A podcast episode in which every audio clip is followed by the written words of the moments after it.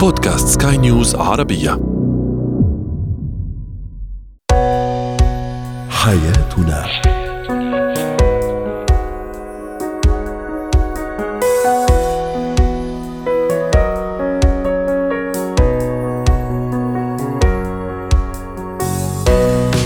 مستمعينا الكرام أهلا بكم معنا إلى حياتنا. فضاؤكم اليومي الذي يعنى بشؤون الأسرة وباقي الشؤون الحياتية الأخرى والذي يمكنكم الاستماع إليه عبر منصة Sky News Arabia dot com slash podcast وباقي منصات سكاي نيوز عربية الأخرى. شاركونا عبر رقم الواتساب 00971 56 ثمانية ستة اثنان اثنان ثلاثة. معي أنا أمال شابة كيف أدعم شريكي الذي قرر العودة إلى الدراسة بعد فترة من الانقطاع؟ الاحتفالات بنجاح الأولاد في الامتحانات. شيء رائع وجميل لكن أرجوكم من غير حوادث ومن غير طرق متهورة قد تودي بحياة الآخرين. وأخيرا كيف يطور السفر من مهاراتنا الشخصية؟ هو وهي. قصص جميلة ومشرفة ومشجعة أيضا. نسمع بها بين الفترة وأخرى. أبطالها أزواج أو زوجات قرروا العودة إلى مقاعد الدراسة بعد فترة طويلة. من الانقطاع. كيف أشجع زوجي على ذلك؟ كيف أشجع زوجتي على ذلك؟ رحبوا معي بالدكتورة نهاية الرماوي الاستشارية النفسية والأسرية. دكتورة يسعد أوقاتك. البطلة اليوم من الأردن صراحة ومبارح كنا قرينا عنها ووسائل الإعلام كلها حكت عنها. وأكيد في بطلات كثيرات وأبطال كثر على في فيما يخص هذا الموضوع. آه، سيدة آه، فازت في الامتحان الثانوي وبمعدل يعني جدا مرتفع ممكن حتى هي الأولى على مستوى آه، الأردن. في آه، تخصصها في نعم. الثانوية العامة شيء جميل ومشرف ورائع ولما سئلت قالت أكيد أولادي وزوجي هم الداعمين الأوائل لي في هالموضوع كيف كيف أدعم زوجي أو زوجتي إذا فعلا قرروا وجوا قالوا لي إنه أو جاء لي أو جاءت قالت لي إنه أنا بدي أرجع للدراسة، أكيد في مسؤوليات كثيرة بتعرفي حضرتك في الحياة الزوجية غير الدراسه، أطفال، أولاد، مسؤوليات زوج أو زوجة، يعني متاعب الحياة، الضغوطات والأشياء الجميلة أكيد الأمر لا يخلو طبعا الحياة الزوجية لا يعني فقط سلبيات، لا. وفي خدم كل هذا إجت أو إجا وقال لي بدي أرجع لمقاعد الدراسة.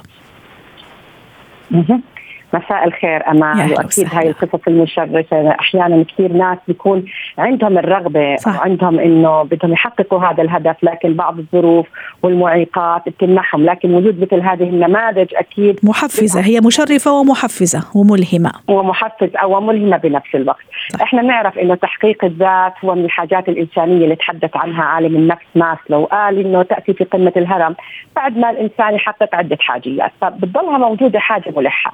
لكن إنه في مجتمعاتنا العربية تحديدا إنه مرات زواج قد يكون مبكر قد يكون ظروف مالية قد تمنع الإنسان من تحقيق الذات. فيأتي بالتالي إلى إنه ما بيعمل الشيء اللي بحبه يعني ما ما درس ما كمل دراسة ما اشتغل الشغل اللي اللي هو اللي بيسعى إليه. مثل هذه الأمور يعني بدها تضلها إنه نشجع الناس إنه خلي هذا الحلم خلي هذا الشغف يضل موجود لعند ما أنت تضبط ظروفك وتضبط يمكن الأشخاص. لأنه قد يكون متزوج ويكون الزوج معيق أو الزوجة. إنه إحنا عندنا مثلا التزامات عندنا أطفال بصير يحط إنه الحجج إنه أنت ما تكمل. لكن إذا أنت كنت مصر وعندك هذه الرغبة العارمة تقنع الجميع يعني بتخلي الجميع يستجيبوا لهذه الرغبة. فمثل هذه الأمور الانقطاع عن الدراسة لفترات طويلة لظروف معينة إذا كان عندك الرغبة في إنك تكمل تستطيع وتهيئ الظروف. إذا كان الزوج عندك أو الزوجة يعني إذا أنت دعمته إحنا نحكي الزواج هو يعني محطة في حياتنا يقوم فيها الشخص بدعم الطرف الآخر لتحقيق ما يسبو إليه. صح. هذا الهدف الثاني من الزواج إنه أنا موجود شخص بحياتي بضيف لي بضيف له وبالتالي إنه هو عنده رغبة معينة. فأنت لما تيجي تحقق له هاي الرغبة أكيد بيكون عندنا أسس الزواج ناجح. يعني الزواج الناجح يدعم الشريك حتى لو كانت الظروف فيها بعض المعيقات. فالزوج تصوري أنت كيف منظر الزوج اللي بيحكي لزوجته روحي كملي توجيهي وتجيب من الأوائل كمان. شوفي قد إيه بده يكون عندها هذا الدعم. وقد إيه يكون متصالح مع نفسه وكمان بالنسبة للزوجة اللي تروح تقول لزوجها ارجع لمقاعد الدراسة. كمل مثلا دراستك. ممكن هو تعليمه كان محدود مش ممكن نرجع. ممكن نتقاذف الاتهامات و sorry على الكلمة ممكن نعاير وانت ما كملت دراستك. لا أشجعه. روح ارجع كمل دراسة. ممكن إذا أخذ الليسانس روح كمل الماستر روح كمل الدكتوراه. ف قديش كمان لازم أنا أكون متصالحة جدا مع نفسي ومتصالح جدا مع نفسي حتى فعلا ادفع الطرف الآخر للنجاح، النجاح لا يقتصر فقط علي أنا. طبعا بيكون طرفين ومش بس هيك امال بتعرف شو اللي بيصير أنت لما تخلي الشريك اللي أنت عايش معه مشبع لحاجاته يعني عنده حاجاته مشبعة العلاقة بتكون أكثر يعني صحية أكثر العلاقة بين الأولاد أنت بتكون أكثر سعادة. يعني كل الدراسات بتقول الزواج السعيد أكثر صحة وأكثر سعادة وأكثر و وكل يعني حتى سواء في المجتمعات الغربية أو المجتمعاتنا العربية. فأنت لما تدعمه على إنه يكمل شيء كان منفصل عنه وتقدم له كل التسهيلات. معناته الزواج يقوم على أسس ناجحة في الوقت الحالي ولاحقا. لأنه هذا الشخص رح يضل عنده شعور بالنقص. إذا أنت ما آه، سديت شعور النقص بالأشياء اللي بده إياها. رح يضل بيأثر على تفاعله مع الآخرين. بالتالي أنت لما تشجع شريكتك أو أنت تشجع شريكك يكمل حتى دراسات عليا. في ناس مثلا ممكن يكونوا مرحلة توجيهية أو مرحلة جامعة بكالوريوس أو دراسات. أنت تخليه تشوفه شو بحب. لأنه لما يحقق هذا بيزيد التوازن الطاقة الإيجابية التقدير. ما تنسي إنه بصير في تقدير في العلاقة الزوجية. أنا أقدر له هذا الدعم. يعني وهذا أنا قصته كمان على حياتي الشخصية. لما أنا كل شهاداتي أخذتها أثناء الزواج وجود الأبناء وكانت مرحلة مش سهلة معيقات لكن شعور الشغف وتحقيق الهدف بخليك تتجاوز وبنعكس على الأسرة يعني إنهم لما يشوفوا أبوهم مثلا عم بكمل دراسات عليا أو ماخذ مثلا شهادات بتدعمه في عملهم بيكونوا فخورين الأبناء. صح. الأب نفسه بيكون فخور بحاله الزوجة فخورة بزوجها والعكس صحيح. بالتالي أنت لما تدعم زوجتك هو ليس انتقاص لذاتك حتى لو كنت أنت مش مكمل دراسة بس ما عندك هذا الشغف.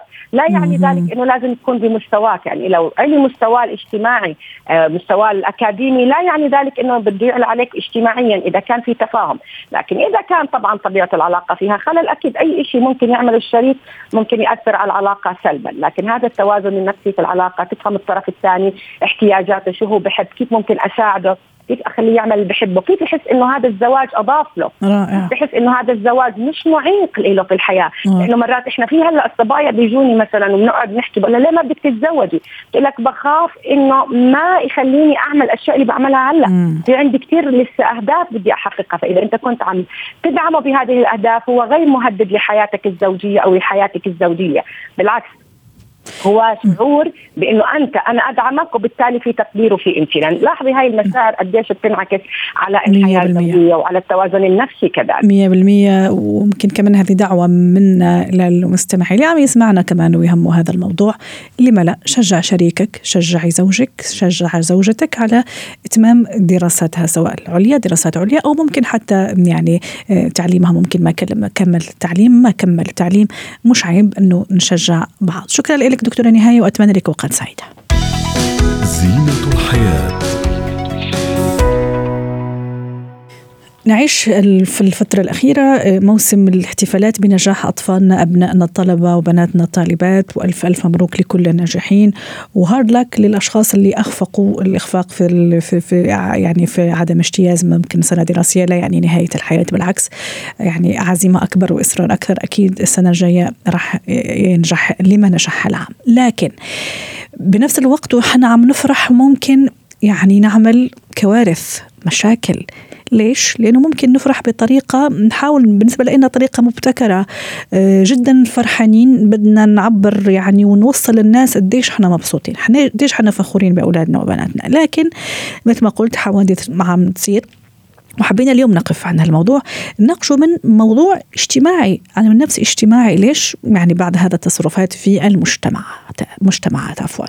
رحبوا معي بدكتور محسن مزكور أستاذ علم النفس الاجتماعي ضيفي العزيز. أهلا وسهلا. دكتور محسن من حق كل شخص يفرح بأولاده وبناته ويفتخر فيهم آه ويشوف حاله فيهم. لكن إني افتح عفوا أحتفل بإطلاق رصاص مثلا آه كتعبير على إني مبسوط وممكن أعمل مشاكل أعمل كوارث. طرق مبتكرة مبتكرة بالنسبة لي لكن في النهاية قد تجيب يعني نتائج عكسية. ليش عم نتصرف؟ آه، سلوكيا نحكي للمجتمع ليش المجتمع عم يتصرف بهذا الطريقة أو البعض؟ طبعا إحنا ما نعمم دائما هذا مبدأنا في سكاي نيوز عربية ما نعمم لكن في حالات كذا نحب نحاول يعني آه، نشوف إيش إيش المشكلة بالضبط. شكرا أستاذ امل مرحبا بك ومرحبا بالمستمعين الكرام. طبعا الحديث عن الفرح نحن نتحدث من الناحية النفسية ثم من الناحية الاجتماعية، من الناحية النفسيه والانفعال مثله مثل الغضب. إن لم نستطع التحكم فيه قد نصل إلى أعلى درجات الانفعال. وبالتالي هنا كل ما سوف يقوم به الشخص كسلوك للتعبير عن الفرح إن لم يتحكم فيه سوف يتطاول إلى درجة. أن يصل إلى ما لا يحمد عقباه. مثل ما تحدثتم سيدتي عن مثلا آه، السلاح أو البندقية كتعبير عن الفرح.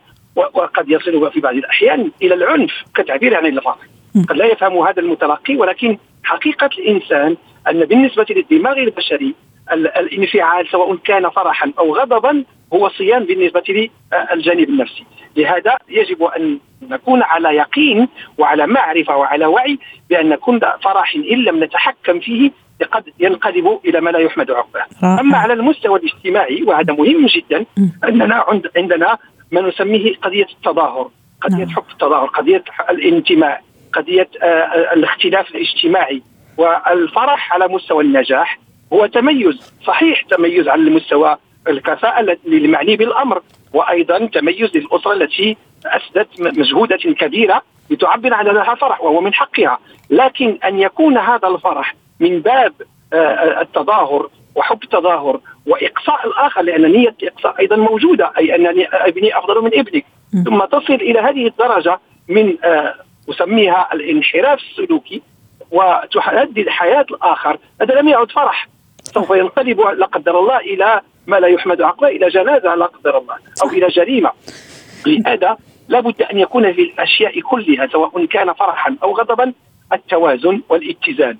لأن الإنسان كيفما كانت طبيعته هو آه، ليست له حدود من حيث الفعل ومن حيث السلوك. فيجب أن يكون على وعي بهذه المسألة.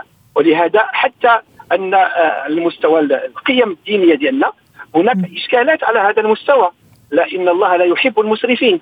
بالتالي دائما هناك دعاء أو دعوة إلى أن يكون الإنسان في كل سلوكاته سواء كان من حيث الإسراف أو من حيث النفقه أو حيث حتى من حيث التقتير يعني آه، الشح. فكلاهما مرفوض. فنفس الشيء على مستوى الفرح على المستوى الاجتماعي. هناك عادات أخذها الناس بحكم أنها متوارثة دون التفكير فيها والتفكير في في مخاطرها. رائع رائع. من حقنا صحيح. رائع دكتور فعلا عم تحكي كلام في غاية الأهمية مثل ما أشرت وحضرتك وأشرت أنا اللي هو إطلاق الرصاص. يعني ممكن حتى المخالفة القيادة بشكل متهور شكل مجنون لشيء إلا لأنه أنا في موكب فرح وبدي أستعرض ابني نجح بنتي نجحت. توعية كمان كثير ضرورية من منابر إعلامية كمان من جهات مختصة كمان كثير ضروري. وهذا ما راح تكون كمان لها فائدة من غير ما المواطن المجتمع أسرنا الأفراد على المستوى يعني الفردي المستوى الشخصي كمان يكون متعاون ويكون واعي ما يقول يا الله شو هالكلام أنا فرحان خليني افرح وبعدين يصير خير. موضوع الوعي أيضا الوعي الجمعي الوعي المجتمعي دكتور محسن إلى أي درجة؟ مهم. لهذا إذا سمحتي سيدتي. تفضل. حتى أننا لابد أن نكون على وعي أثناء الفرح أن هناك أشخاص آخرون يعيشون القرح. فلا بد من أن يعيش الكل في مجتمع فيه نوع من الاحترام. صح. بمعنى آه، فرحي لا يعني تجاوز قرح الآخر وربما يعيش جنازة يعيش مأساة يعيش مرض. ولهذا فرحي لا يجب أن يتجاوز الحيز الزمني والحيز المكاني الذي متاح لي اجتماعيا حتى لا أؤذي الآخر. ولا أكون سببا في آه، تعاسة الآخر أو زيادة من حزن الآخر، فاذا لابد دائما أن نكون على المستوى الانتماء الاجتماعي واعيين أننا جماعة وليس فرادى فرادى وبالتالي الحس الجماعي والحس المواطن والثقافة والانتماء تجعلنا دائما أن يكون لنا هذا الفكر المتوازن المتزن الذي يأخذ بعين الاعتبار الآخر قبل أن يكون هناك مرض الانانيه والتفكير في الذات رائع. من التفكير في الآخر. وهذه كمان دعوة من منبرنا اليوم اسكان عربية من برنامج حياتنا افرحوا أكيد بس كمان الفرح أدب وأخلاق وأخلاقيات وحدود كمان آه، وكل شيء له حدود وكل شيء إذا زاد عن حد انقلب لا ضده. شكرا لك دكتور محسن. أتمنى لك أوقات سعيدة وشكرا على كل هذه المعلومات وعلى المداخلة المفيدة. مهارات الحياة. من منا لا يحب السفر؟ أكيد للسفر فوائد كثيرة وجميلة غير أنها ترفيه وواحد يغير جو. لكن كمان في مهارات من دون شك رح نتعلمها من السفر. رحبوا معي بنور البطار مدربة مهارات حياة. ضيفتي العزيزة أهلا وسهلا أستاذة نور. إيش ممكن أنا اتعلمه من السفر؟ وممكن ماني ماخذه بالي ومش يعني مش مركزة مع الموضوع بس اللي ركزت لا في مهارات فعلا راح أتعلمها من السفر. هلا أكيد مثل ما قلتي إنه السفر ترفيه وتسليه بس في مهارات الواحد بيتعلمها ما بيتعلمها إلا بالسفر وأهمها إنه ينضغط نفسيا بجو غير جو ببيئة غير بيئته بعيدا عن منطقة الراحة وبنفس الوقت يقدر إنه يلاقي التسلية والمرح خلال فترة هي الصعوبات لأنه مستحيل يكون في سفرة خالية 100% من الصعوبات فهي شغلة الواحد بيتعلمها فبيتعلم إنه يكون أكثر كيف بيقولوا ريزيلينت يعني يقدر إنه يتكيف أكثر مع الوضع شو ما كان عم بيواجه. هاي الشغله الشغله الثانية إنه الشخص بيتعلم كيف يتواصل بشكل أفضل غير كمان عن التواصل على البيئة اللي هو معتاد فيها لأنه لما تروحي غالبا بيكون اللغة مختلفة طريقة التواصل مختلفة حتى لغة الجسد مختلفة من بلد لأخرى. فهي الشخص كمان كيف يتواصل ويأثر على الآخرين. فهدول من أحد الفوائد المهمة. والفائدة الثالثة إنك تقدر تكتشف الأشخاص على حقيقتهم خلال السفر معهم. صح يقول لك سافر مع شخص تعرف معدنه وتعرف طبعه.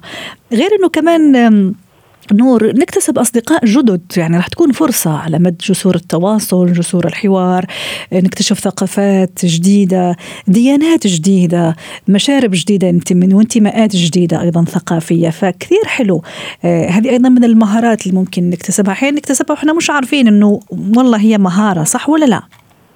صحيح بيزيد عنا تقبل الآخر. يعني حتى لما نرجع مثلا على بلد مثلا واحد هون بالإمارات بيكون عم بيشوف كثير ثقافات مثل ما قلتي. لما يسافر يرجع بصير بيتقبل هاي الثقافات بسهولة أكثر وبصير في عنده آه، حب إنه يتعرف عليهم ويصادقهم ويكون علاقات قوية. آه، نور كمان ما أدري إذا توافقيني الرأي والساده المستمعين كمان. آه، من دون شك السفر يعزز ثقتنا بأنفسنا لأنه فعلا أحيانا نتحط بمواقف صعبة أحيانا. بقول لو أنا تحطيت فيها يعني ما أعرف اتخارج منها بس ولاني أنا مسافرة الحين واحد ممكن يكون لوحده ممكن كمان مع عائلته كأب ممكن مضطر إنه يتعامل مع الموقف ممكن أنا لوحدي مضطرة كمان أتعامل مع الموقف. فأكتشف قديش أنا إنسانة قوية قديش أنا إنسان قوي فعلا عندي ثقة بنفسي وقدرت اتخارج من الموقف. أكيد. وبعد ما الواحد يطلع من هذا الموقف مثل ما قلتي بيكتسب ثقة بالنفس وبيكتسب كمان قدرة على مواجهة الأمور يعني مستقبلا. م. لو واجهته أمور أخرى حتكون كتير أبسط لأنه هو واجه أمر صعب وما كان في حدا حواليه وما كان بالبيئة المريحة بالنسبة له. وغير أنه بيرجع على آه يعني على بلده أو على الأرض اللي هو عايش فيها ممتن جزيلا. يعني فبيشعر بسعادة أكثر آه كمان في موضوع مثلا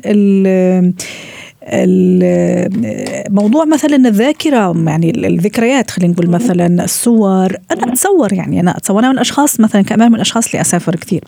فمثلا فعلا تصير عندك كذا ذاكرة بصرية قوية عرفتي كيف؟ تصيري أحيانا وأنت جالسة في مكانك ممكن أو في عملك تستحضري أماكن معينة أزقة معينة. عرفتي كيف؟ الذاكرة البصرية عندك فعلا تتقوى. ومرة على مرة ممكن حتى إذا رجعتي للبلد الآخر تصيري أنت زي الجايد عرفتي؟ ما عندك مشكلة.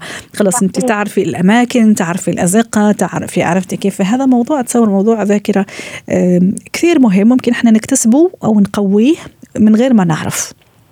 كلامك صحيح 100% ومش بس الذاكره البصرية اللي هي بتكون عن طريق الأمور اللي بنشوفها كمان الشم لأنه الشم من أكثر الأمور لما تشمي رائحة معينة بتعيد عندك ذكريات.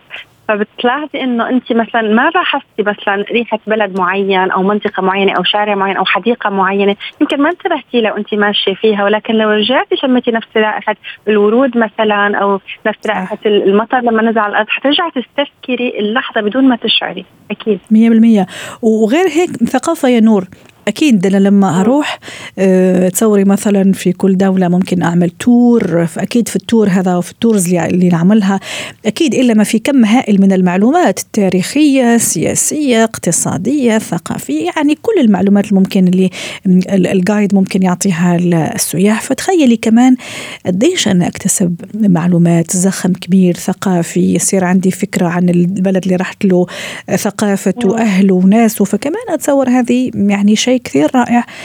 إذا يعني أحسننا الاستفادة منه واستغلاله مية بالمية. نحن بنتعلم يمكن التاريخ بالمدرسة وبنتعلم شيء عن حضارات الدول الأخرى ولكن ما بتعلق براسنا على الأغلب. يعني يمكن بنسبة 80% بننسى هذا الحكي. ولكن لما تسافري مثل ما تفضلتي وتسمعي وتشوفي وتروحي تزوري المتحف وتشوفي الشغلة قدام عينك أكيد بتعلق براسك وبصير لها معنى مختلف تماما. صحيح. مشان هيك نور حتى نختم معك أنا كيف لازم فعلا أركز على هالأشياء؟ مش فقط هي سفرة وخلاص أنا سافرت okay استمتعنا ويعني وممكن حين تكلفنا مثلا ماديا تكلفنا كثير. بس اي لما أرجع مش غلط إني أرجع كذا أعمل جرد وأجلس مع نفسي. شو استفدت؟ شو المهارات فعلا اللي رجعت بيها؟ غير إني استمتعت وانبسطت مع عائلتي مع أولادي ممكن مع صديقاتي. لا أنا اكتسبت هالمهارة. هالمهارة فعلا هي جديدة راح اضيفها لمهاراتي وراح أنميها مش خلص اكتسبتها وأخليها على على جنب. باختصار حتى نختم مع حضرتك. آه، أكيد قبل ما يسافر الواحد يكون عنده نية اكتساب مهارة جديدة لحتى يوسع آفاقه ويوسع مداركه لحتى يستقبل. هذا أهم شيء. ولما يرجع مثل ما قلتي يرجع يعمل مثل اختصار لكل الأحداث اللي مرقت اللي مرقت آه اللي مرق فيها حتى يستفيد منه وياخذ العبرة وإن شاء الله يقدر يغير على السفره الجاية بشيء جديد. شكرا لك نور البدر مدربة مهارة حياه ضيفتي العزيزة وأتمنى لك أوقات سعيدة.